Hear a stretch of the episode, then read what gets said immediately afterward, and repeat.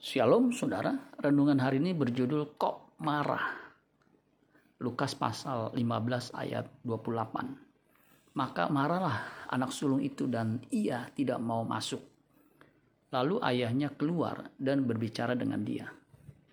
Kemudian Lukas 15 ayat 1 sampai 3. Para pemungut cukai dan orang-orang berdosa biasanya datang kepada Yesus untuk mendengarkan dia maka bersungut-sungutlah orang-orang Farisi dan ahli-ahli Taurat.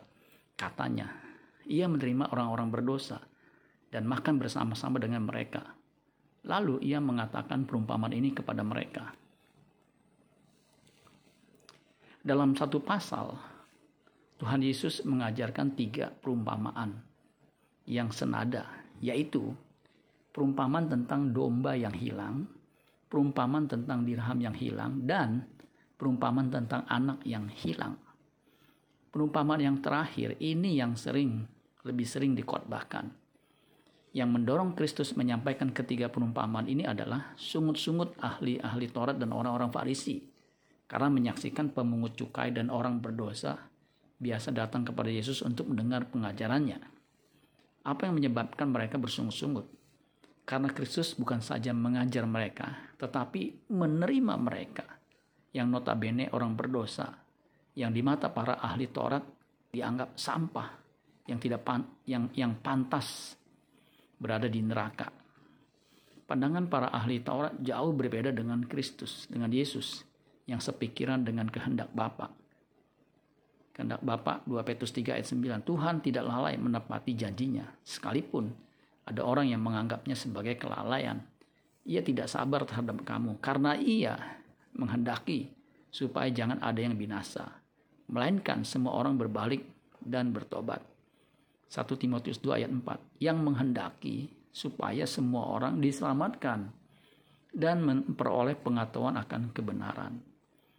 Ternyata dalam perumpamaan tentang anak yang terhilang ada spirit yang sama dengan ahli Taurat dan orang Farisi, yaitu anak sulung yang marah karena ayahnya mau menerima adiknya yang sudah menghabiskan harta warisan ayahnya. Lukas 15 ayat 28 sampai 32 dikatakan, "Maka marahlah anak sulung itu dan tidak ia tidak mau masuk." Lalu ayahnya keluar dan berbicara dengan dia.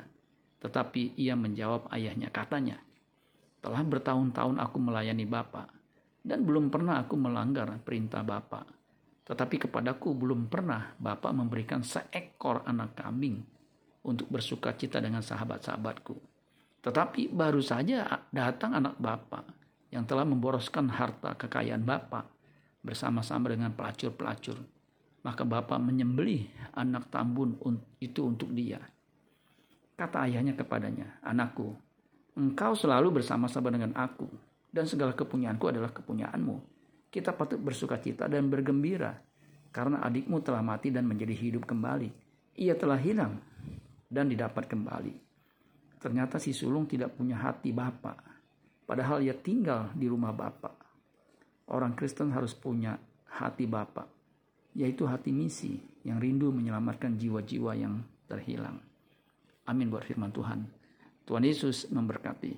Sola Gracia.